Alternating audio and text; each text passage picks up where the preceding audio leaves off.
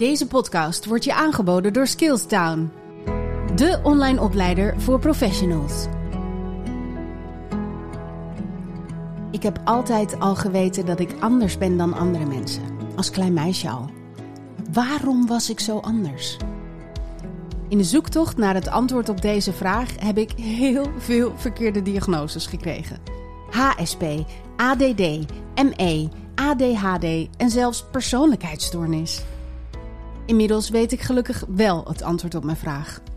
Autisme, spectrum, stoornis. Oftewel, autisme. Hoe kan het zijn dat dit 43 jaar heeft geduurd? En waarom zijn er nog steeds zoveel vooroordelen over autisme? Wat is autisme dan wel precies? In deze podcast vertellen verschillende mensen over het leven met autisme. Elk verhaal zo uniek en tegelijkertijd met zoveel overeenkomsten. Ik hoop door deze gesprekken het idee dat mensen over ASS hebben te verbreden en zo eindelijk van het Rainman-syndroom af te komen. Dit is Autisme ontrafeld. Mijn gast van vandaag is de 65-jarige Marjolein Hof. Zij is bekend als jeugdboekenschrijfster en urban sketcher, zag ik staan op Instagram. en zij kreeg haar diagnose bijzonder laat. Daar gaan we het zo meteen over hebben. Maar Marjolein, allereerst natuurlijk van harte welkom in de podcast. Ik ben heel blij dat je er bent. Ik ben ook blij dat ik er ben. We gaan het hebben over autisme, maar ik wil het eigenlijk eerst eventjes over je werk hebben. Want ik heb ter voorbereiding natuurlijk even gekeken op jouw Wikipedia. Wat heb jij veel boeken geschreven? Ja, nou ja, ik vind het niet zo heel veel, want ik, ik schrijf erg langzaam. Maar ja, dat, telt, dat oh telt toch op op een gegeven moment. Ik vond het echt een hele indrukwekkende lijst. Ik was echt onder indruk. En precies wat jij zegt, wat dus het eerste ook was wat in mij opkwam, was: heb je dat dan in je hyperfocus gedaan? Of kan je je heel goed concentreren? Nee, ik heb af en toe wel een, eh, een hyperfocus, maar ik ben ook ontzettend traag. Dus dat is wel een soort uh, eeuwigdurende frustratie dat ik heel erg lang over mijn boeken doe. Okay. En dat ik ook heel vaak het idee heb dat er ontzettend weinig uit mijn handen komt, dat ik lui ben. En ja, nu ik die hmm. diagnose heb, begrijp ik ook dat ik niet lui ben, maar dat ik gewoon soms uh, meer tijd nodig heb. Ja, snap ik. En hoe lang doe je dan gemiddeld over een boek? Nou, soms een paar jaar. En dan, dan denk ik van, nou, dat zou in een jaar moeten kunnen. Maar dan gebeurt er weer van alles. Uh, er zijn er weer allerlei dingen die er tussendoor komen. En ja, dan, dan duurt het weer langer. Ja.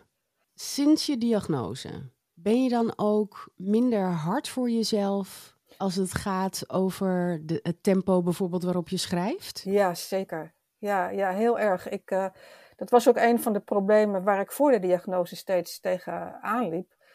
Dat was dat ik eh, voortdurend aan het herkauwen was, voortdurend mezelf aan het evalueren was en ook eigenlijk voortdurend mezelf aan het veroordelen was omdat je natuurlijk wel merkt dat dingen niet gaan zoals je het in je hoofd hebt. Of dat het op sociaal gebied anders gaat. Mhm. En ja, sinds de diagnose denk ik ook, oké, het komt daardoor. Ik snap eindelijk waardoor het komt. En daarvoor snapte ik het nooit. Ja. En daardoor ja, was ik ook vrij hard tegen mezelf. En nu kan ik gewoon zeggen van, oké, ik weet waardoor het komt. En dat zorgt wel voor, eh, voor, voor een enorme verzachting. En voor veel meer acceptatie van hoe de dingen lopen. Ja, wat ontzettend fijn. Ja, dat is echt heel fijn. We gaan het zo uh, over je diagnose hebben. Maar er was nog één ding wat me opviel op Wikipedia. Daar staat namelijk dat empathie het sleutelwoord is bij het schrijven van al je jeugdboeken. Oh, staat het toch wel? En dan zeggen ze dat autisten geen empathie kennen. Nee, dat is het grootste misverstand ooit, denk ik. Nee, dat is inderdaad het grappig dat het op Wikipedia staat. Ik kijk eigenlijk nooit mijn eigen Wikipedia-pagina.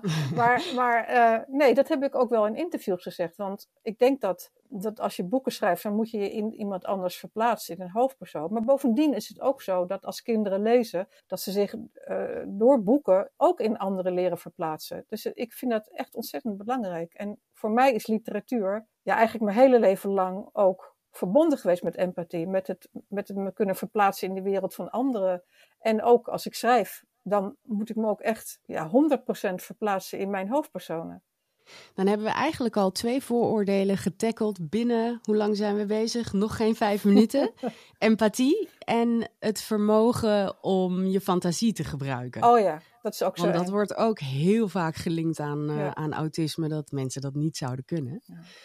Nou zijn er natuurlijk ook wel mensen met autisme die dat niet kunnen. En ook mensen met autisme die geen empathie Ja. kennen of daar moeite mee hebben. Uiteraard. Ja, ja, autisten zijn net mensen. Precies. We hebben heel veel dertigers gehad. We hebben een aantal veertigers gehad. En toen kwam ik jou opeens tegen. En ik heb je echt een beetje gestalkt om mee te doen.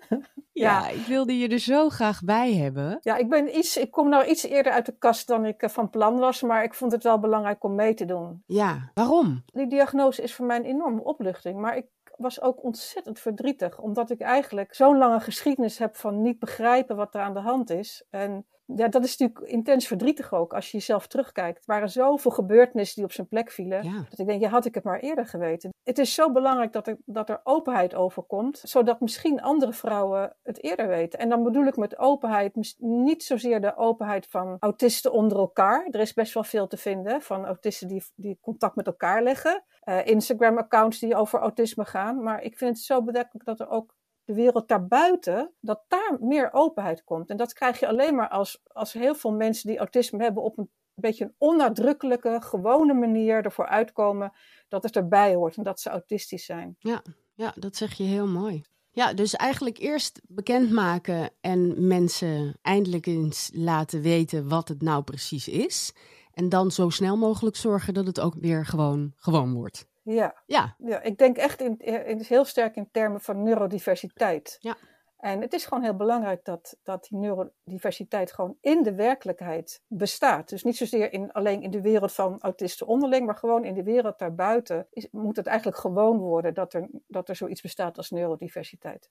je bent nu 65 jaar. Wanneer kreeg je jouw diagnose? Nou, eigenlijk nog maar pas geleden, een maand of twee. Ja, bizar. Ja. Het is algemeen bekend dat vrouwen laat de diagnose krijgen als ze hem al krijgen. Maar dit is wel heel extreem. Hoe denk Ja. je dat dat komt? Nou, het is wel enigszins begrijpelijk. In mijn geval, ik heb een hele traumatische jeugd gehad. En die is eigenlijk al meteen traumatisch begonnen. Want ik ben als kind geadopteerd. Dus ik ben weggehaald bij mijn moeder. Mhm. Daarna heb ik in een couveuse gelegen. Daarna heb ik op neutraal terrein nog een tijdje geweest. En toen ik drie maanden was, ben ik geadopteerd in een gezin.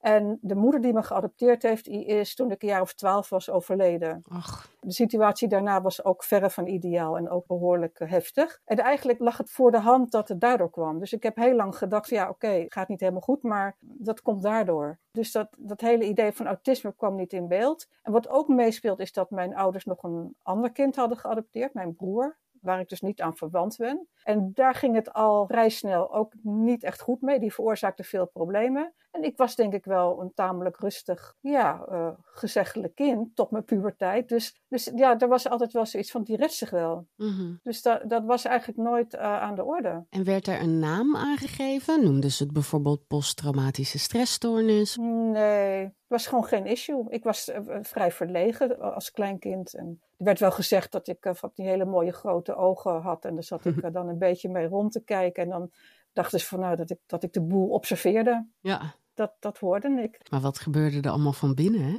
Ja, precies. Ja. En dan was het natuurlijk ook nog eens zo, als ik kijk naar mijn eigen leven, ik ben nu 44, dus ik ben als kleinkind opgegroeid in de jaren 80. Toen was er totaal geen sprake van autisme op scholen.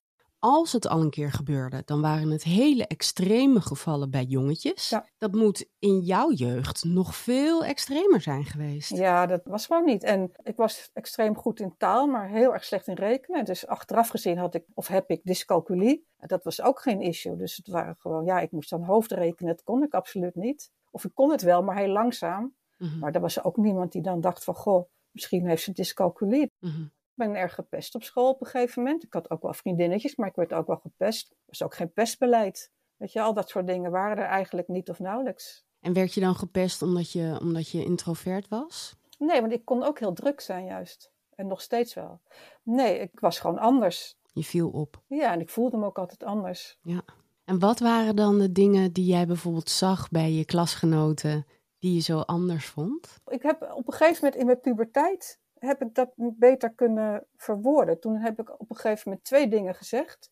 En dat is, ik mis een zeefje, zei ik. Alles komt bij mij binnen op dezelfde sterkte bijna. En ik zei van, iedereen heeft de gebruiksaanwijzing, behalve ik. Ah ja. En zo voelde dat ook echt. Ik zei van, ja, je wordt geboren en dan krijg je een gebruiksaanwijzing mee. En die zijn ze bij mij vergeten. Wauw, en op zo'n jonge leeftijd al? Toen was ik een jaar of, of 12, 13 denk ik. Nou, dat vind ik wel heel mm, bijna filosofisch. Wel bijzonder dat je op zo'n jonge leeftijd al zo'n bewustwording had. Ja, maar ik begreep dus helemaal niet waarom dat was. Nee, en dat maakt het natuurlijk heel moeilijk. Dat maakt het moeilijk, ja. En ook omdat ik zo graag.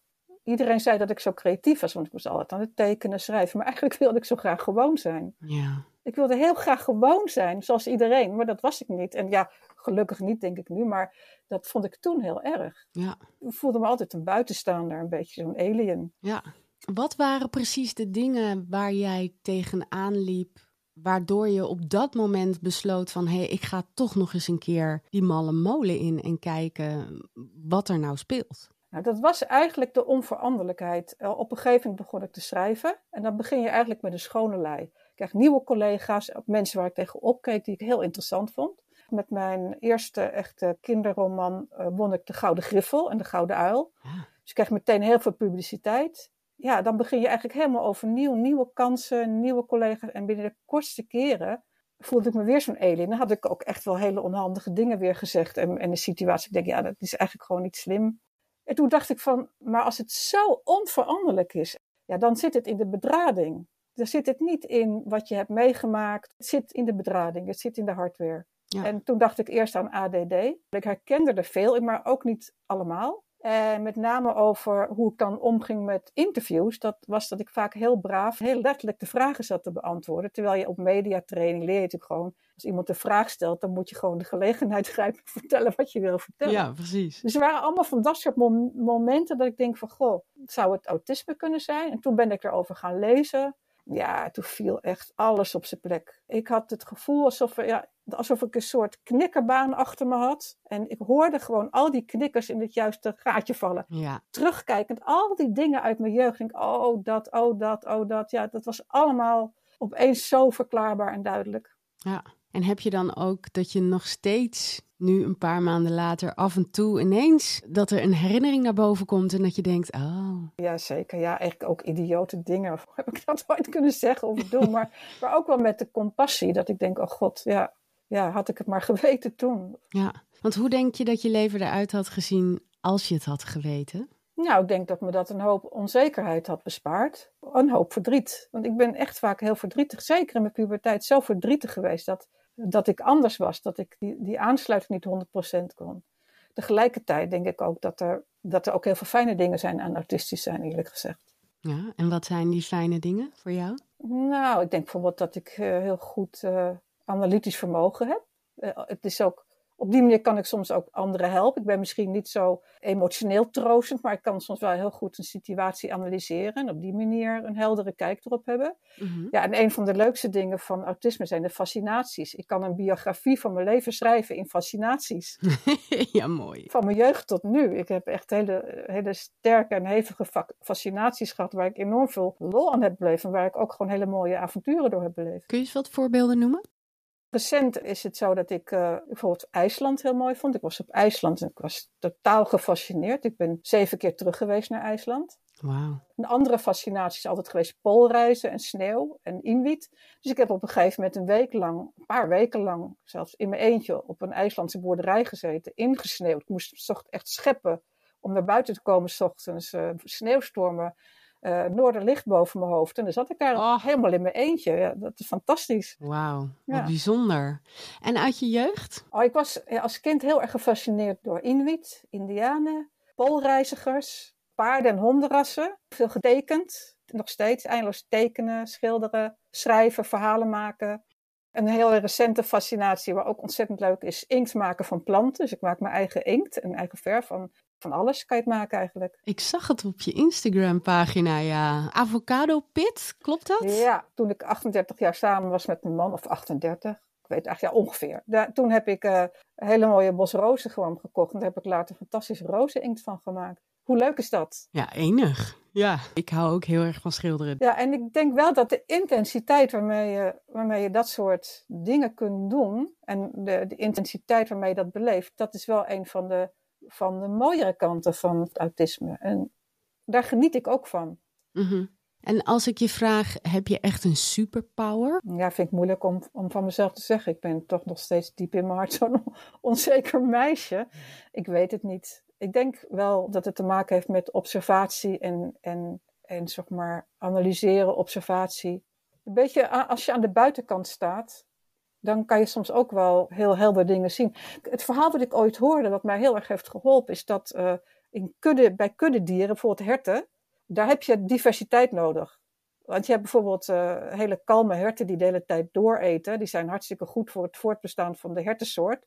Maar je hebt ook hele nerveuze herten die aan de buitenkant staan en die bij iedere kraakje in het bos al meteen hebben van, oh help, er komt wat aan, wegwezen. En die heb je dus allemaal nodig om een kudde in stand te houden. Oh, wauw. En dat vind ik een hele mooie, of, of het nu waar is of niet, ik vind in ieder geval een heel mooi beeld, is dat je dus die diversiteit nodig hebt om te zorgen dat de hele populatie, zeg maar, eh, veilig blijft. Dus ja. ik denk dan, oké, misschien ben ik wel zo'n hert aan de zijkant dat uh, heel erg uh, gauw uh, denkt van, oh help, er gebeurt iets en in paniek raakt. Maar dat voelt ook wel als, mm, niet een superpower, maar wel als een kracht aan de ene kant zorgt het voor veel angsten die misschien ongegrond zijn, maar aan de andere kant ben ik ook heel scherp als er wel echt iets aan de hand is. Of als niets niet in de haak is, dan zie ik dat gewoon. En dan ben ik ook niet bang om ervoor uit te komen. Heb je ook wel eens dagen dat je gewoon rustig kunt grazen? Wel, gelukkig wel. Ik heb ook een beroep, hè, waarbij ik heb een kamertje waar ik gewoon de hele dag kan grazen. Ja, dus dan zou je ook kunnen stellen dat het niet weten dat je autisme had ook invloed heeft gehad op je carrière en het verloop daarvan? Want je kon het niet verklaren. Ik kan natuurlijk niet weten hoe het was als ik het wel had geweten. Maar dus dat is hypothetisch. Maar ik denk, ik denk dat het me wel geholpen had uh, dat ik wat meer zelfvertrouwen had gehad. Ja. Ik had extreem zelflaagbeeld altijd. Wat zijn nog meer dingen als we het hebben over beperken waar jij last van hebt? Ja, prikkels, bepaalde prikkels, angsten. Ik heb uh, gauw last van geluid. Een van de lastigste is dat ik uh, heel moeilijk pijn verdragen. Ik denk dat ik echt een hele lage pijngrens heb. Dus het komt, pijn komt heel hard binnen. Dus ik ben gewoon ook echt bang voor de tandarts en voor medische handelingen. Ja, snap ik. Dat is echt heel lastig. En uh, ja, ook wel mezelf afzonderen. Ik denk dat dat ook een misverstand is dat uh, autisten antisociaal zijn. Ik ben eigenlijk heel sociaal, maar soms dan heb ik de neiging om wat terug te trekken omdat het te veel wordt. Wat betekent niet dat ik het niet zou willen. Ja, dat is ook iets wat in mijn dagelijks leven best wel vaak voorkomt. En hoe doe je dat dan bijvoorbeeld? Dat, dat, je, dat je dus wel die behoefte hebt, maar het lastig vindt. Hoe pak je dat dan aan als je bijvoorbeeld weet dat er een sociaal contactmoment gaat zijn? Ja, dan doe ik dat soms gewoon en dan ben ik na de hand wel moe. Ik zit ook altijd om de een of andere manier, kom ik altijd terecht in het midden van de tafel en dan gaan de gesprekken naast je. dan gaan mensen, en dan denk ik van, oké, wat doe ik verkeerd, weet je? Ken je dat? Ja, ja absoluut. ja. Dan ben ik meestal na de hand heel onzeker. Dan zit ik dat heel erg te herkauwen. God, wat heb ik gezegd? Of heb ik dit niet gedaan? Of heb ik dat niet gedaan? Of deed ik niet raar? Of... En dat kost eigenlijk het meeste energie. Ja. Zeg maar dat later evalueren van, van wat er is gebeurd, kost eigenlijk meer energie bijna dan, dan ergens zijn. Ja, wauw. Zo heb ik het eigenlijk nog nooit bekeken. Ja. Stel nou, hè, even hypothetisch. Er wordt morgen een pil uitgevonden. En daarmee kun je met één pil alles wat autistisch is wegvagen uit je leven. Zou je die dan nemen? Nee, absoluut niet. Nee, nee ik, ik, zou, ik zou, dit zit zo verweven met wie ik ben. Ik zou niet weten wie ik dan zou zijn, zeg maar. Wat er dan nog overblijft. Nee, ik heb geen idee. Ik weet niet of dat dan de beste versie van Marjolein is die overblijft. Ik had interviews gedaan in de afgelopen dagen. Um, een uitgebreid interview bij RTL Z. Of nee, RTL 4. Nou, een uitgebreid interview op RTL Nieuws op de website over het hebben van autisme en wat dat voor mij betekent. En daarna ook in uh, een talkshow op SBS 6, half 8 geweest om erover te praten. En wat me heel erg opviel aan de reacties die ik heb gekregen. Want de kop op het RTL Nieuws uh, artikel was: Ik ben trots op mijn uh, autisme. Dat er een paar mensen waren en ik ga dat dan toch weer zitten uitleggen, die gewoon niet konden begrijpen waarom ik trots was op mijn autisme. En ook het feit dat als ik het uitlegde, dat ze het dan nog niet begrepen. Nee, dat komt denk ik omdat er nog steeds een soort opvatting is. Het, het heet ook een stoornis. Dat betekent dat je een soort beeld hebt van iemand, hè, van dat is de persoon. En daar zit dan een soort, soort vlekje op, een soort stoornis. En dat vlekje, dat, uh, dat zou er eigenlijk niet moeten zijn. Terwijl natuurlijk in de werkelijkheid, als je uitgaat van neurodiversiteit, is autisme iets wat gewoon verweven zit in je hele persoonlijkheid. Ja, precies. Dus als je daar niet trots op bent, dan ben je eigenlijk gewoon niet trots op jezelf. Want je kunt dat niet scheiden. Exact. De moeite die ik had met de diagnose, dat ik in het diagnosepapier opeens een patiënt heette. En uh, ik denk, oké, nu, heb, nu heb ik een stoornis en ik ben een patiënt. En daar, dat, daar ga ik gewoon echt niet in mee. Dat is, ik vind dat vreselijke uh, term. Ja, heb je dat laten aanpassen? Nee, ik krijg nog een gesprek. Kijk, behalve dat er een autisme-spectrum is, is er kennelijk ook een soort spectrum van hoe je naar autisme kunt kijken. En dat aan de ene kant van het spectrum is het heel erg uh, medisch. En aan de andere kant van het spectrum is het neurodivers. En ergens daartussenin zit ik, denk ik. Maar ja, helemaal aan die medische kant wil ik echt niet zitten. Nee, dat begrijp ik heel goed. Zullen we naar de stellingen gaan? Ja, kom maar op. Oké, je hebt er al een paar gehoord. En ik heb er toevallig vandaag een paar uitgegooid en omgegooid. Dus ik ben heel benieuwd welke je nog weet. De eerste heb ik laten staan, want dat is eentje die voor mij, ja, heel erg speelt in mijn dagelijks leven. En dat is maskeren is mijn grootste kracht en valkuil tegelijk. Ik zou dat niet weten. Weet je, dat is misschien wel als je 65 bent en je krijgt de diagnose. Ik heb kennelijk mijn hele leven lang gemaskeerd, maar ik kan dat niet meer scheiden van, uh, van hoe ik ben. Ik weet wel dat ik vaak het idee heb gehad dat ik niet meer wist wie ik was. Dat ik denk, ja, wie ben ik eigenlijk? En dat is waarschijnlijk een gevolg van dat je heel vaak een rol speelt of maskeert. Maar ik zou het eigenlijk niet weten hoe ik dat doe, maskeren. Maar betekent dat dan ook dat je het niet bewust doet? Nee, doe ik denk ik niet bewust. Ik ben dagelijks overprikkeld. Nee, nee. Ik ben wel af en toe overprikkeld, maar nooit zo erg dat ik dan helemaal uh, dagen moet bijkomen op de bank. Ik heb wel dat ik soms heel weinig uit mijn handen komt, dat ik daar ontevreden over ben, omdat ik dan ja, kennelijk te veel in mijn hoofd heb, dat er veel in mijn hoofd gebeurt. Maar ik, ik kan wel overprikkeld raken door sommige dingen. Dat is wel dat is lastig. Maar dat is dan ook wel weer over als het klaar is. En wat is hetgeen waar jij het meeste op getriggerd wordt qua overprikkeling? Geluiden, denk ik. Mijn man eet bijvoorbeeld heel veel pinda's. en hij heeft vaak van die leren schoenen aan. En hij, hij is behoorlijk bewegelijk en druk. Dus dan gaat hij soms, weet ik hoe lang, door de kamer heen drentelen op die, op die schoenen. Dat soort dingen. Harde geluiden buiten soms. Ja. Of uh, muziek met bassen, daar word ik echt agressief van. Vreselijk. En je bent moeder. Hoe, hoe heb je dat dan ervaren met je um, zintuigelijke overprikkeling? Dat, dat, ik weet namelijk van mezelf dat ik dat heel heftig vond toen mijn zoon nog heel klein was. En, en veel huilde en, en constant aandacht nodig had. Hoe, hoe heb jij dat ervaren? Ik denk redelijk goed. Ik denk dat mijn dochter dat ook wel vindt. Nee, dat ging wel goed, maar ik, ik denk wel achteraf gezien, mijn dochter die heeft ook wel last van overprikkeling bijvoorbeeld. En ik had, ik had haar en mezelf beter kunnen helpen als ik dat had geweten. En daar ben ik wel eens verdrietig over, omdat ik haar eigenlijk. Het was allemaal eh, wat beter geweest als ik iets meer van had geweten op dat moment.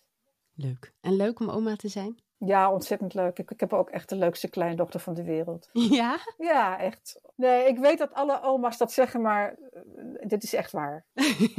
Hoe heet ze? Lonne. Oh, leuk. Wat een mooie naam ook. Ja. Bijzonder. Ja. Ik heb moeite met dingen afmaken. Ja, wel. Ja. Dat herken ik wel. Uh, ik kan best wel snel verveeld raken.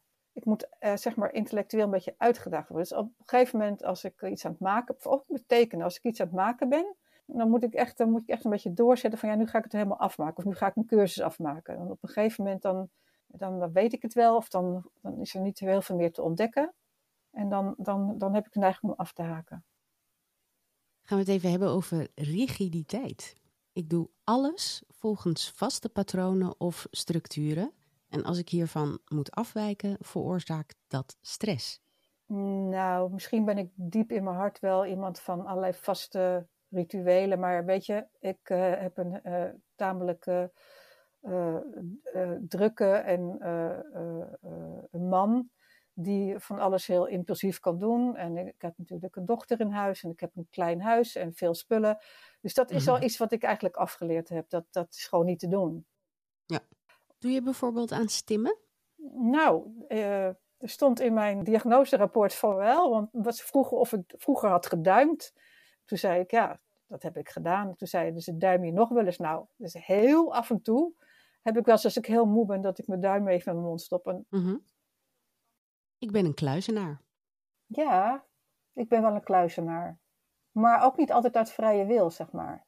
Kijk, alleen zijn is het makkelijkste. Ik ben ook vaak op mijn gemak alleen. Ik, weet je, ik, ik ga dan in mijn eentje op zo'n boerderij in IJsland zitten. vind ik natuurlijk heel spannend. Maar ik doe het dan wel. Ik ga soms ook als op Vlieland zitten. Dan ga ik in een week lang in, in, in mijn eentje in een huisje zitten. Ik moet me dan wel veilig voelen, want ik voel me niet altijd veilig in het donker alleen. Mhm. Maar dan voel ik me wel senang, weet je. Ik ben wel gewoon oké met mezelf dan. Dat kan ik heel lang volhouden. En kon je dat altijd, zo een week alleen? Ik moet daar niet aan denken. Heerlijk. En hoe lang ben je nu getrouwd? Nou, iets van 38 jaar geloof ik. Wauw. En jouw man heeft geen autisme? Nee. Nee. Hoe hebben jullie dat volgehouden dan? Met jouw behoefte aan alleen zijn en zo bijvoorbeeld. Mijn man is uh, eigenlijk iemand die juist een beetje impulsief is en druk. Dus die sleept mij mee. Dus we hebben heel Nederland doorgefietst, gekampeerd, uh, weet ik wat allemaal gedaan. En uh, ja, dat is juist heel fijn, want daardoor, anders zou ik misschien veel meer ja, dingen niet doen. Hij, hij ziet no nooit ergens een probleem in. Weet je, heb je bij wijze van spreken, ik had onlangs mijn voet gebroken, dan zet hij me in een rolstoel en dan gaat hij bijvoorbeeld over een zandpad crossen. En dan denk ik, oh help, ik val eruit. Weet je, dat doet hij gewoon, zulke dingen. En daar moet je dan aan overgeven. Maar dat is wel goed juist. -hmm. En wij hebben elkaar altijd ook losgelaten. Als ik een weekje alleen weg wil, dan doe ik dat. En hij is bijvoorbeeld een wereldfietser. Dus hij gaat dan bijvoorbeeld van hier naar uh, Budapest fietsen. Dat vind ik te ver. En bovendien wil ik dan onderweg alle dingen bekijken. En ik wil gewoon niet als een gek doorfietsen om in Budapest aan te komen. Nou, dan gaat hij gewoon zes weken fietsen. Dan Ja. ben ik zes weken alleen thuis. Dat hebben we altijd wel zo gedaan. Wauw. Wat vond hij van de diagnose? Hij is ontzettend lief en behulpzaam. Laat ik dat vooropstellen. Een enorme steun. Mijn grote vraag is van, goh, verbaast het je? Ja, nee, hij had wel zoiets dat hij denkt, ja, hij zag hij ook wel dingen. En dat is natuurlijk, ik heb aan verschillende mensen gevraagd. Toen ik het vertelde, waren ook echt wel mensen die zeiden, ja, nu het zegt, herken ik daar wel dingen of zie ik daar wel dingen in? Ik kopieerde als klein meisje gedrag van anderen, omdat ik zelf geen idee had hoe ik me moest gedragen. Nou, ik weet wel dat ik dan naar anderen keek wel van hoe, hoe, hoe ja, met van hoe gaat dat hier? Maar ook uh, zijn boeken daarin belangrijk geweest. Ik heb heel veel gelezen en boeken waren mijn venster op de wereld. Dus ik ging ook echt mee in hoofdpersonen en ik las ook graag psychologische verhalen. Mhm. En op die manier keek ik ook van, uh, kreeg ik ook een kijkje zeg maar in, in, de, in de binnenwereld van anderen. Van, boeken zijn erin heel belangrijk geweest voor mij. Ja. Ik had laatst opeens zo'n moment dat er een herinnering naar boven kwam. En toen dacht ik, oh ja, autisme. dat ik um, ieder jaar op kamp ging met uh, zwemmen. En dat waren ieder jaar dezelfde mensen. En de, ja, je, je, werd gewoon heel hecht. En, en, en dat, waren dan, dat waren dan vriendengroepen. Alleen we woonden zo verspreid over heel Nederland dat we elkaar ja, verder ook eigenlijk nooit zagen. Dus alleen ieder jaar weer op dat kamp. En dan waren er altijd twee dingen die, die, die bij mij dus speelden. Ten eerste dat ik dan accenten van andere mensen overnam. Binnen een dag uh, sprak ik dan ook bijvoorbeeld als ik met iemand uit Brabant omging met een Brabants accent. Dat is iets wat me heel erg ineens weer te binnen schoot. En ook dat als we dan thuis kwamen, dan moest mijn moeder de hele dag uittrekken om mij te troosten omdat ik zo verdrietig was van het afscheid. En ik, ik, ik was dan echt letterlijk een week depressief. Terwijl de andere kinderen, nou ja, die hè, hadden even zoiets van: oh, ik mis iedereen. En die gingen daarna weer verder met hun leven. En ik was dan een week lang, daar had ik het nog met mijn moeder over, helemaal van de kaart. Nou ja. Ja, en dat zijn dan soms van die dingen die dan ineens in je hoofd schieten. En dat je dan denkt: oh ja, nu snap ik het. Ja. Zo gevoelig ik heb dan zo'n beetje het tegenovergestelde van jou gehad. Ik ben echt gezegend met, met, nou ja, als het bestaat, dan een soort van perfect gezin. Fantastische ouders.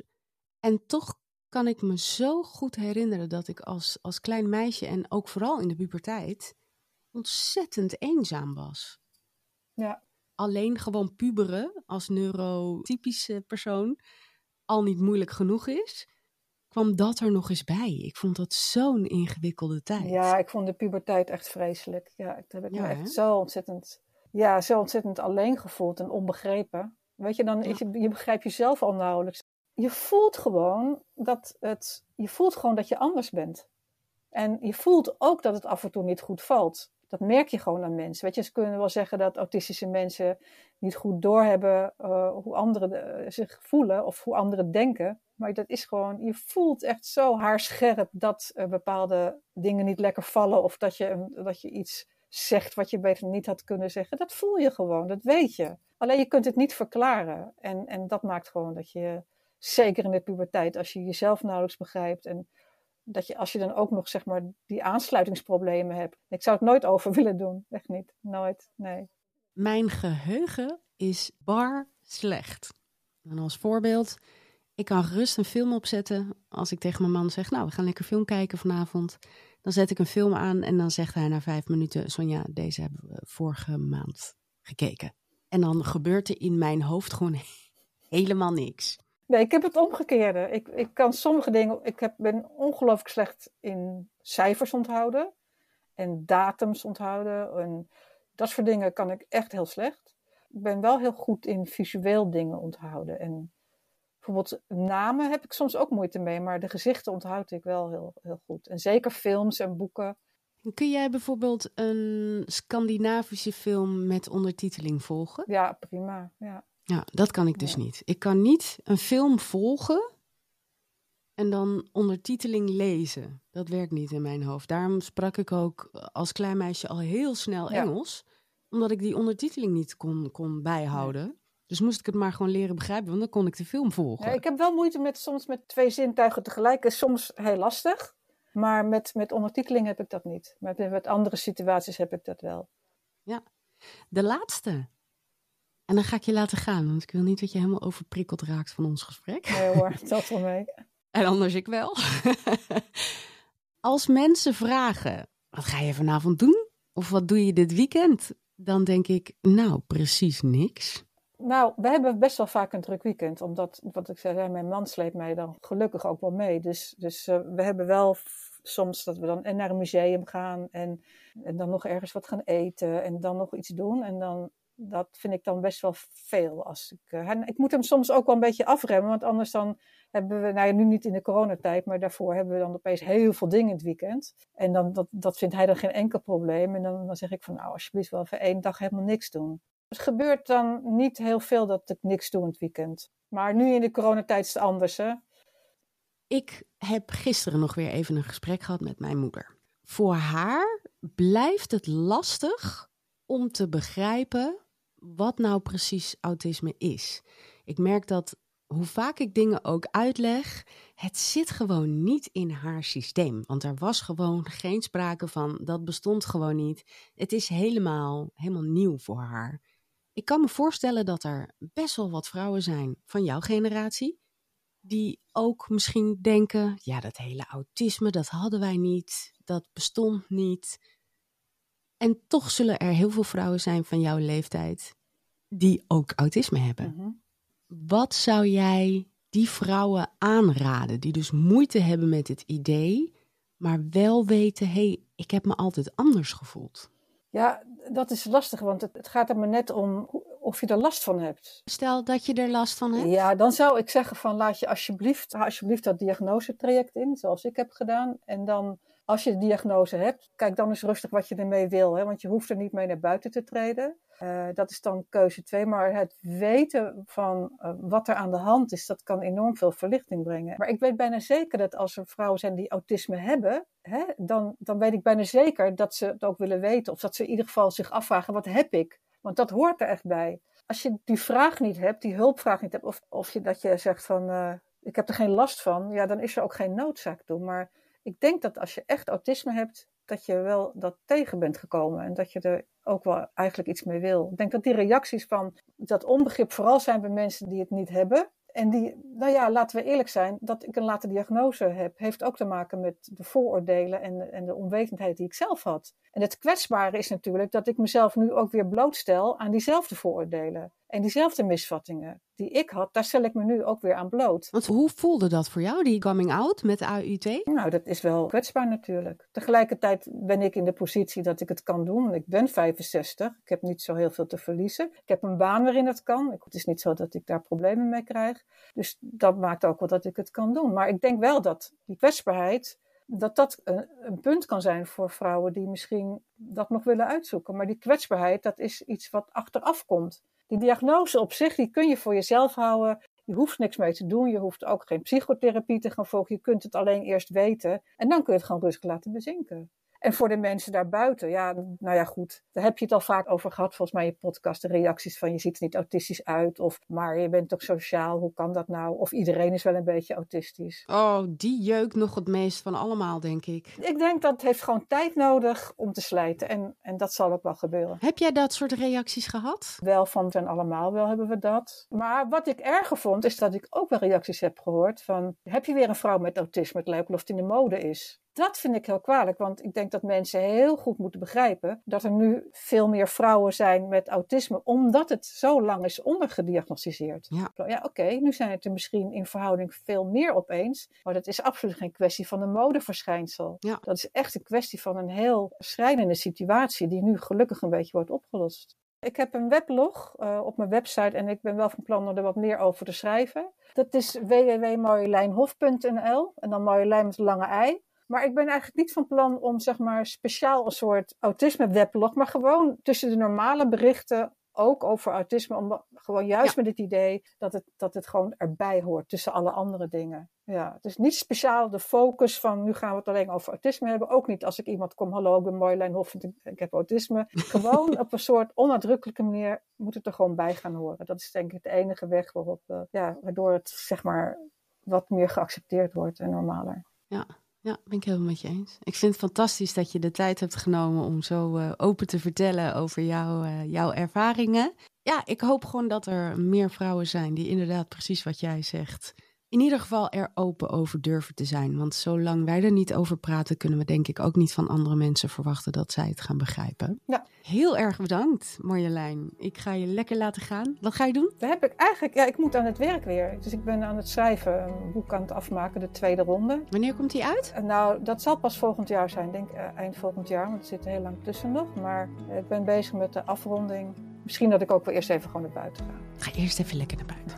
Even lekker een frisse neus en dan fris je werk En dan fris mijn werk in. Ja, helemaal goed. Hartstikke bedankt. Oké, dankjewel. Jullie natuurlijk ook bedankt voor het luisteren. Mocht je nog vragen hebben over autisme, dan kun je altijd mailen naar sonja.silva.skillstown.com of naar Celine, die is psychologe. Dus als je meer diepgaande vragen hebt, dan kun je bij haar terecht op info.autismekracht.com.